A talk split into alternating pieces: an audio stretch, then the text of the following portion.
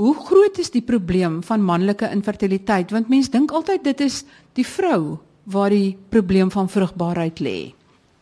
Ek dink as ons kyk na die getroude egpare, sê hulle 2 uit 6 egpare het 'n probleem. Party mense sê 2 uit 10. En dan as jy nou uh, die uh, mense analiseer en jy vat 10 egpare wat nou 'n sogenaamde probleem het, gaan die helfte 'n manlike probleem hê en die helfte 'n vroulike probleem. Dis 'n eenvoudige manier om daarna te kyk. So die fout was dis nie net Sarah nie. Jy weet dit is ook dalk Abraham. man en vrou, al twee het het probleme. Nou as ons kyk na die man en mens uh, vra nou hoe gaan die fertiliteitsspesialis hoe behoort hy te werk te gaan om nou vas te stel met man en vrou waar die probleem is. Ons fokus nou op die man. Dan is die eerste ding wat die dokter moet doen, hy moet 'n baie goeie geskiedenis doen. Hy kan nie ou nie net in 'n kamertjie injaag en 'n semenanalise doen en dan op die semenanalise besluite maak nie. Waarom die geskiedenis? Soos ons net nou gesels het, die lewenstyl uh vra baie belangrik. Die misbruik van ehm um, alkohol uh, baie belangrik. Ek sê altyd vir pasiënte, jy moet nooit meer as 3 drankies per keer gebruik nie.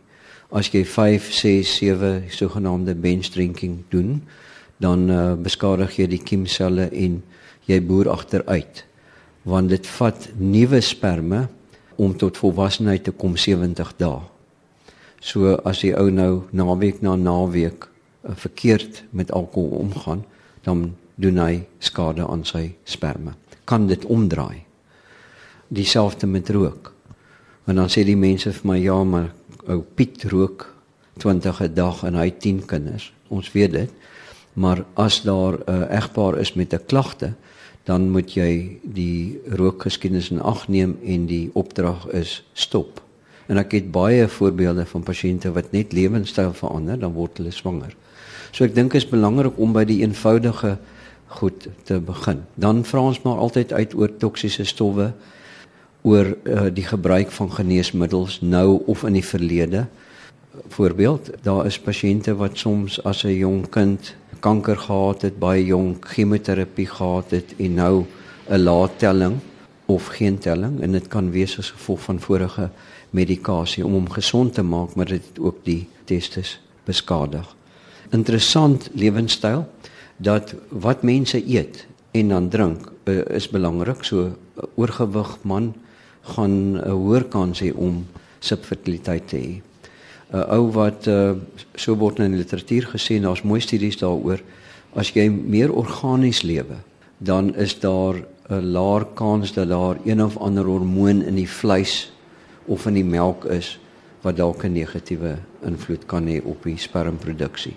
So daar's ook studies wat wys die mense wat gereeld groente, vrugte, gebalanseerde dieet en meer organies lewe dat hulle 'n beter swangerskapsuitkoms het tuis of in vitro in die kliniek. So ek dink dis nou 'n lang antwoord, maar ek probeer net die geskiedenis deel net onderstreep. Uh, ons kan nog later daaroor verder praat as jy wil. En as die man nou by julle kom en julle het nou deur verskeie toetse vasgestel dat dit nou nie net die vrou is nie, maar die die probleem die slag by die man lê. Waarna kyk julle? Is dit net blote lae spermtelling of presies wat maak dat die man dan nie vrugbaar is nie? Vir die luisteraar is daar dan 'n 4 of 5 komponente in die semenanalise. Mens moet 'n semenanalise doen. Eerstens die telling. Die telling moet wees bo 15 miljoen per milliliter. As dit onder dit is, beteken dit nie hy kan nie sy vrou bevrug nie is net dat hy dan in 'n ander kategorie val wat ons noem subfertiel, maar dit beteken nie infertiel nie en dit beteken definitief nie steriel nie. So die mans wat 'n uh, telling onder die 15 miljoen per milliliter het, moet dit verstaan en nie skrik nie. Dan die beweging is die volgende komponent. Dit word gesê deur die WHO, die Wêreldgesondheidsorganisasie, dat die beweging moet bo 30% wees van die monster. Kom ons sê uit 50 miljoen. Bo 30% van daai monster moet beweeg. As hulle almal stil lê, natuurlike bewegingsprobleem. As hulle onder 30% beweging het, dan val dit in die subfertiele groep. Maar daai man kan steeds sy vrou bevrug. Dan die voorwaartse bewegings, die derde komponent. So sperm, jy kyk na die hele monster en jy werk se persentasie beweging uit, dis wat ek net nou oor gepraat het, maar jy kan ook kyk na die individuele sperm. 0 is geen beweging. 1 is soos 'n fiets, net 'n voorbeeld. 2 is 'n Volkswagen en 3 is een of ander ander vinnige kar. So as die man dis bo 2 beweging het, bo vlak van 2. Jy moet dit sien dat die sperm vinnig vorentoe swem en nie stil lê nie, dan doen daai mans beter en val hy dan as hy bo 2 is, 2 plus sê ons in die fertiele kategorie. So onder dit is subfertiel. En dan is die volgende uh, komponent die morfologie of bouvorm. En die luisteraars moet dink oor 'n eh, die sperm wat lyk soos 'n akker. So die vorm van die kop van die sperm, hy het 'n kop en 'n stert. En die kop moet lyk soos 'n akker en daai spesifieke vorm voorspel vrugbaarheid. As jy onder 4% normale vorme gaan, beteken dit die mans val in die subfertiele groep. Beteken nie hy kan nie sy vrou bevrug nie. Dis 'n miskonsepsie nou selfs dokters wat sê 3% normale vorms, jy het 'n 3% kans om jou vrou te bevrug. Dit is foutief. So jy val net in die subfertiele kategorie. Maar jy moet altyd na die vrou kyk terwyl jy na die man kyk. So baie keer is daar net 'n foutjie by die vrou wat reggestel moet word ten spyte van die subfertiele sperm en dan doen nie egpaar goed. So 0 tot 4% is die P-patroon of poor prognosis pattern in Engels, swak prognose. Subfertiel. Dan 5 tot 14 akkerforme is die G-patroon of goeie patroon. Die meeste mans wat sy vrou in 1 jaar kan bevrug, daar sulke data lê so by 7-8% normale forme. En as jy bo 14% is, um, nou gaan ek die Noord-Transvaalers blou laat sien en gelukkig maak. As jy bo 14% normale forme is, is jy dalk 'n blou bil. So of sal ek sê 'n stommer of 'n shark, so laat ek maar 'n politikus wees. So jy's dan in 'n baie spesiale kategorie. Dis die N-patroon. So daar's drie kategorieë van bouvorm. Die P, die G en die N en in terme van die akkerforme 0 tot 4% van daai tipe of 5 tot 14 of bo 14. En dan die laaste ding van die semen toets is die MAR toets, M A R. Dit het te doen met teenliggaampies. En as die man bo 50% teenliggaampies in sy sperma het, so daai teenliggaampies maak dat die sperma nie goed swem nie, dan is daardie man ook weer in die subfertiele kategorie. Hoekom die teenliggame baie keer 'n besering op die testis, baie keer operasie op die testis, baie keer onverklaard waarom daar teenliggame in die man se semen is, maar hy, hy behoort daarvoor getoets te word. So dis net so 'n prentjie en dan's natuurlik die man met geen sperma nie. So daar's nie 'n telling nie, daar's nie beweging nie, daar's niks nie. En dit noem ons azoospermie. So daar's allerlei groot woorde vir hierdie verskillende kategorieë, maar ek dink om op te som, die parameters, die telling, die beweging en die bouvorm kan jy soms sekere van die parameters bo die normaal kry en ander onder.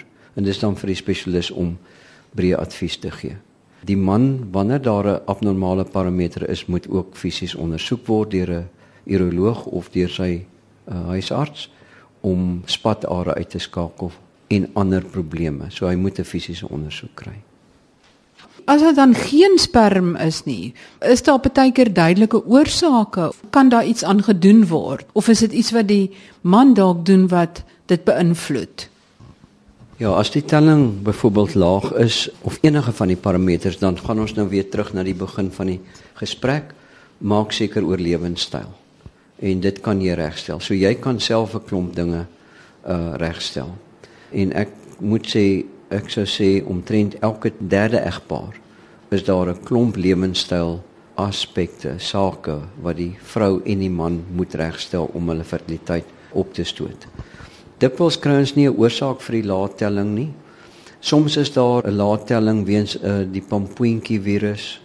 Soms is die laattelling van die kind het onafdaalde testes gehad en toe geopereer en en jy kry so 'n storie en dan is mens nie seker was hy te laat geopereer of was daar skade? Nie dat iemand probeer skade doen nie maar skade met die met die afbring van die testes. Veral is daar aan al twee kante gewerk moet word. So daar's 'n legio redes vir laattelling en dan is daar ook middels en een van die middels wat ons nou vandag dikwels teekom is sogenaamde aanvullings in gyms. En ons vind dat uh, die literatuur sê in die Amerikaanse omgewing en ek dink hier met ons sekere rugby skole ook is daar jong seuns wat soms aanvullings neem en hulle weet nie wat hulle neem nie en hulle kan dikwels dan androgeen tipe testosteron anaboliese steroïde al daai name is dieselfde goed dalk neem om hulle spiere te vergroot maar sodra jy daai goed neem dan voeter jy jou sperma op skoon die woord, maar dit is dit. Telling gaan val na 0 toe. As die man nou nou alles probeer doen het wat reg is, hy het opgehou rook, hy drink nie meer so baie oor 'n naweek nie en hy gebruik ook glad nie meer enige iets wat sy spiere groot moet laat lyk nie en hy kan nog steeds daar gebeur nog steeds nie iets nie. Wat is dan die volgende stap? Ek gaan sommer weer by die anaboliese steroïd begin net om die fisiologie te illustreer. Ek het veelvuldige pasiënte dat jy ontdek maar hy is op iets. En dan se eerste punt stop daai middel en dan is die fisiologie van so aard dat dit vat 3 maande of langer vir die sperma om stadig aan terug te kom na normaal. So as hy sy lewenstyl aanpas, daai anaboliese steroïd stop, dan begin jy kyk na 3 maande en 4 maande en 5 maande en dan kom die sperma terug en dan behoort hy as hy binne die normale parameters kom, sy vrou te kan bevrug. Intussen moet jy seker maak dat daar dalk nie iets fout is met die vrou nie. So die beginsel by die man is altyd sien die egpaar saam, korrigeer die vrou ook as nodig. Kom ons sê haar siklusse is ongereeld. Dit beteken sy ovuleer nie. Dit help nie jy maak die sperma reg, maar jy gee nie aandag aan haar ovulasie nie. So die fertiliteitsspesialis sal sal dit dan nou doen. Dan uh, wat betref die laattelling, wat anders as lewenstyl kan die mense doen? Hulle kan aanvullings neem soos byvoorbeeld die regte dosis sink, folinsuur, antioksidant, iets soos Vitamiene C. Uh dit kan die kwaliteit van sperma verder aanhelp. Net 'n gewone multivitamiin is totaal onvoldoende. So mens moet die regte dosis en dit moet hulle met hulle dokter bespreek, maar byvoorbeeld die sink dosis is 40 mg 'n dag. In baie multivitamiene is dit 1 mg wat daarin is. So dis heeltemal te min. So lemoene dag gaan vir jou daar ekstra Vitamiene C gee. So jy kan ook self goedjies bysit in terme van lewenstyl om kwaliteit te verbeter en dis verstommend hoe die parameters dan terugspring baie keer na die normale parameter kategorie wat ons net nou oor gepraat het. Wat die bouvorm betref, onverklaard. Hoekom ons baie man sien met lae morfologie. Nommer 1 is mens moet seker maak die laboratorium tel die sperma reg. So 'n tweede opinie om nog 'n wetenskaplike of twee te kry om te kyk na daai slide, die skuifie van die morfologie. Goeie plan want baie laboratoria is te streng. So dit kan ook 'n laboratoriumfout wees. So die mense moet nie net aanvaar ek het nou 'n verskriklike probleem nie. En hulle moet uh weer eens die subfertiele kategorie sien nie as 'n skok nie. Swangerskap is altyd moontlik, maar kry die regte advies en maak seker dat die vrou se fertiliteit goed is. Interessante ding oor die diereryk. In die ingeteelde cheetahs val die morfologie. Dan word hulle subfertiel. Ek dink daar's 'n geen hoekom ons so sê is daardie diere ryk leus ook as hulle inteel die veeartse sê vir my die morfologie val hulle sien dit en uh, hulle moet hulle dus nie inteel nie. Nou is die wêreldse mense ingeteel. Ek dink daar's baie meer inteling as wat ons dink. Jy weet wat genetiese invloede kan hê. Maar waar sit hierdie geen? Dit weet ons nie. Ons weet byvoorbeeld dat die y-kromosoom as daar 'n stukkie van hom weg is dan is die telling laag. Dis bekend. En mens kan ook dan dink dat die morfologie, die bouvorm geen sit ergens op 'n kromosoom, maar die genetiese sê vir my dis op die oomblik soos 'n naald in hoe jy moet soek. Jy weet nie waar om te begin soek nie, maar ek dink met tyd sal daar tog dalk antwoorde kom in die verband. Morfologie kan ook uh, verbeter word met lewenstyl en dan die hantering van 'n lae morfologie moet die mense hierdie hoë vlak in vitro mikro-inspuiting behandeling kry. Die antwoord is nee, jy probeer maar eers konservatief eers by die huis as die ouderdom van die vrou dit toelaat inseminasies en as hulle nie in 3 tot 4 inseminasies suksesvol is nie, dan kan jy begin kyk na ICSI. Ons sê vir die meeste pasiënte dat as jou morfologie laag is, moenie net spring na die diere ICSI behandeling nie. Jy het ander opsies. As 'n seentjie gebore word met onafgedaalde testes, hoe vinnig moet dit herstel word? Ek dink die neiging is om so gou as wat dit diagnoseer is, uh jy weet voor 2 die operasie te doen. Ek sien baie ouens doen dit baie vroeg nou, maar dit is verkeerd om te wag na 5 en 8 en 10 en 12. Jy wil daai operasie vinnig doen vir 'n paar redes, maar as jy te lank wag dan sit daai testes in intraabdominaal en die die temperatuur is te hoog en dan oor tyd kom daar skade in die testes weens die hoë temperatuur van die liggaam. Testes hang buite die liggaam vir 'n rede. Jy nou nog genoem van die prosedure genaamd ICSI. Kan jy net so 'n bietjie meer beskryf van wat presies daar gebeur en hoeveel gesonde spermselle het mens nodig om hierdie tegniek te laat werk? As jy 10 uh, eiers het, het jy 10 sperme nodig. So ou met 'n baie lae telling, kom ons sê uit 3000 sperme, kan jy ICSI mee doen. As jy 100 sperme het, dan kan jy ICSI doen. So dis die ek dink een van die grootste infertiliteits manlike infertiliteitsdeurbrake met die eerste swangerskap in die wêreld 92 in die eerste in Suid-Afrika van ons span onder leiding daar van die wetenskaplike dokter Marilena Wind in 95 so 92 in die wêreld 95 by Tygerberg en in ons groep eerste sukses en dit het gemaak dat jy dan 'n man met geen sperme kan 'n testisbiopsie gaan doen en um, dan sperme herwin en daardie testissperme werk net so effektief as sperme wat na die buitewêreld kom. En jy kry uit die testisbiopsie as jy nou gelukkig is jy weet um, klompie duisende sperme word gevries kan gebruik word neem 'n man se spermtelling en sy vermoë om pa te word. Neem dit af met ouderdom. Uh, ek ken nie presies die afsnypunte nie, maar die man hou sy fertiliteit baie beter as die vrou. Daar is 'n afname in fertiliteit, maar ons het praktiese voorbeelde, dit weet julle. Professor Chris Barnard het kinders gehad uh, op 'n later leeftyd. En so is daar baie ander mans. Uh, maar die presiese afsnypunt kan ek nie sê nie, maar die DNA abnormaliteite word blykbaar meer en daar is ook al lank gerapporteer dat die man ook bydra tot die Down syndroom risiko as hy ouer word. So as die man oor 46 oor 50 gaan moet mens ook besef dis nie net die vrou op 40 wat bydra tot Down se risiko maar ook die man. Die akkervorm sperm as jy hom toets en dit is baie mooi nagegaan is meer kromosomaal normaal en ek dink dit verklaar hoekom die bevrugting beter is. So as ons vandag kyk na sperme met ICSI.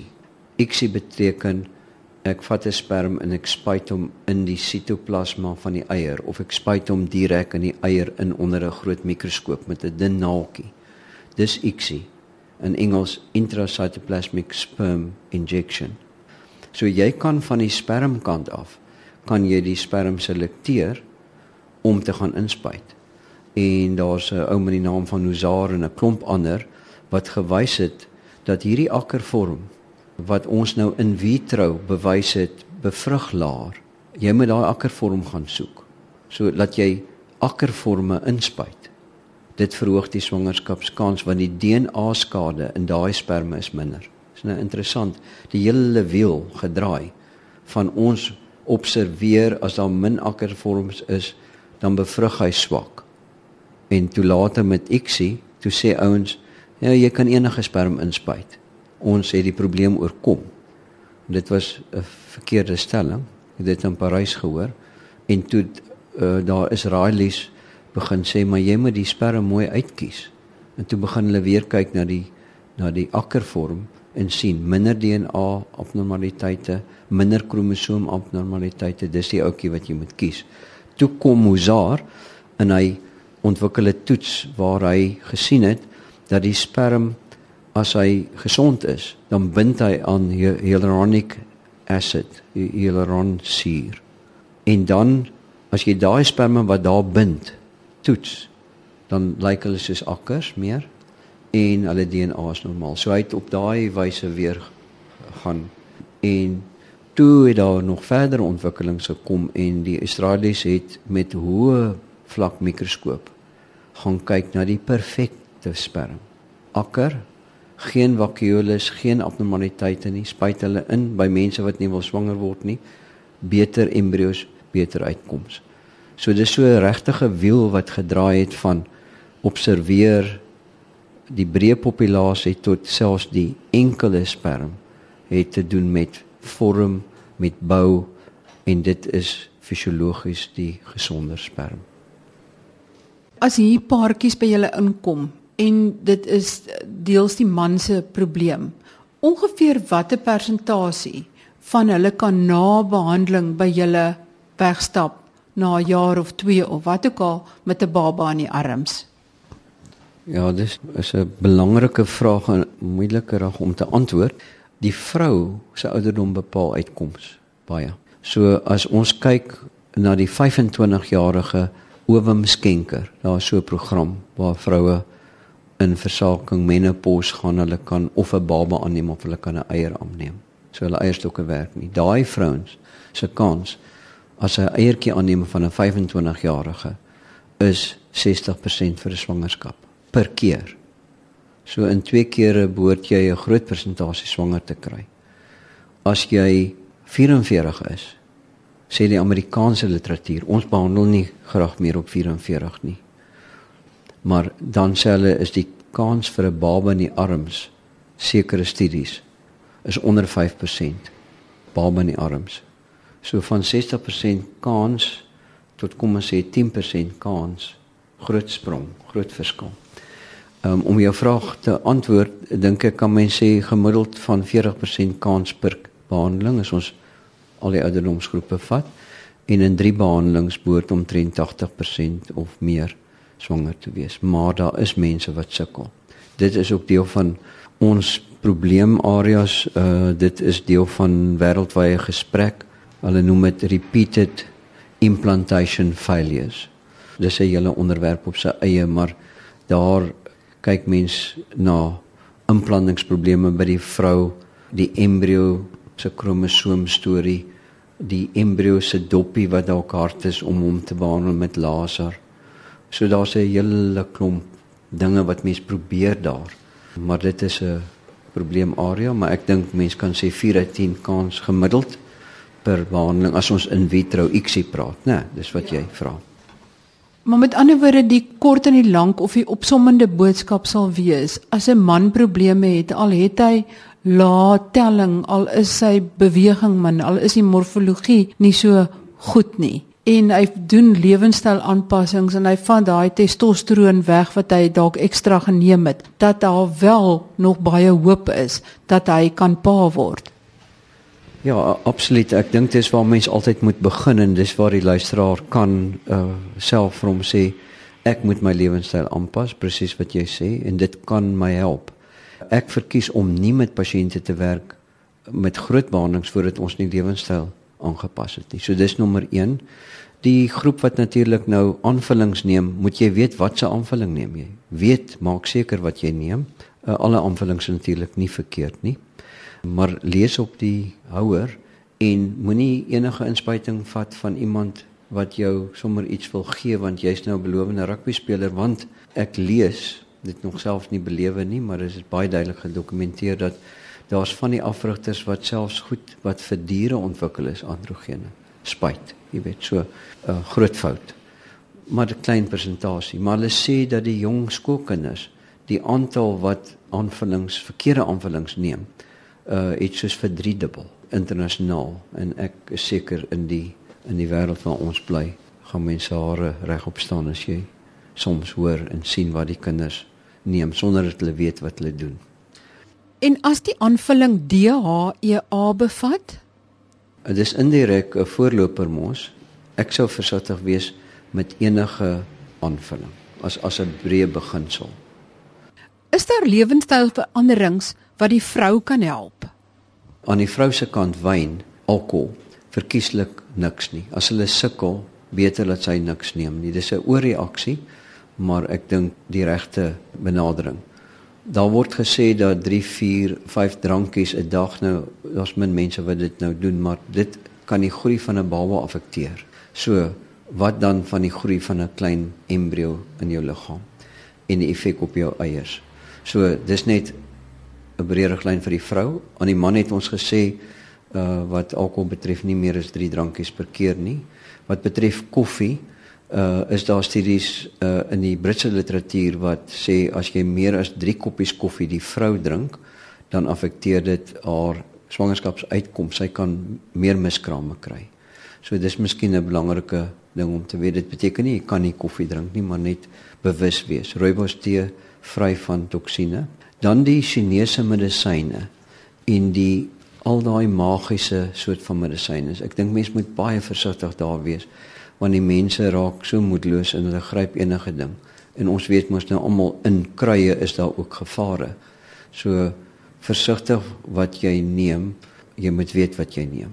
En eerder dan eerder weer teruggaan na die lewenstyl van gebalanseerde dieet, slaap, oefen, uh, gebalanseerd. Dan uh, interessant ook sport daar's 'n miskonsepsie oor die invloed van 'n fietsry op sperma.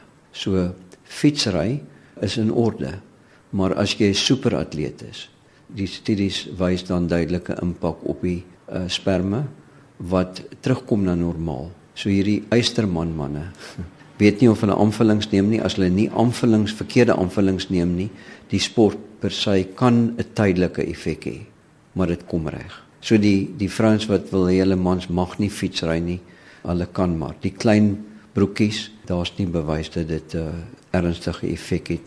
Die agusryers, daai mense, ek dink hulle moet hulle fiets geniet, net oppas vir die verkeers.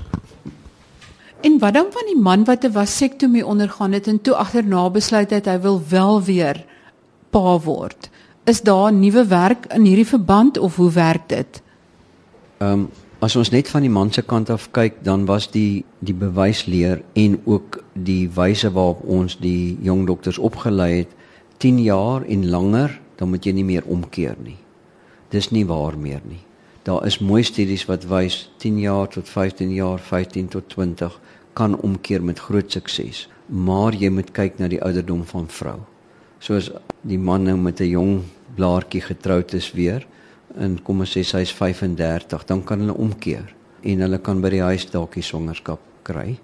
Maar as sy nou 39 is, dan druk haar ouderdom mens om te sê maar jy moet kyk na alternatiewe behandeling. Maar ek dink belangrik dat hulle opinie moet kry en dat hulle moet onthou dat die langer vasektomie duur is nie 'n teenaanduiding vir omkeer nie, maar die breë prentjie moet net na gekyk word. Dit is aan die einde van ons program. As luisteraars vra het, skryf gerus aan gesond@rsg.co.za. As daar heelwat vrae is, sal ons 'n opvolgprogram doen. En onthou, volgende week is dit 'n baie interessante program met professor Tes van der Merwe oor wat in die brein gebeur wanneer mens oorgewig is. Tot volgende week dan. Totsiens.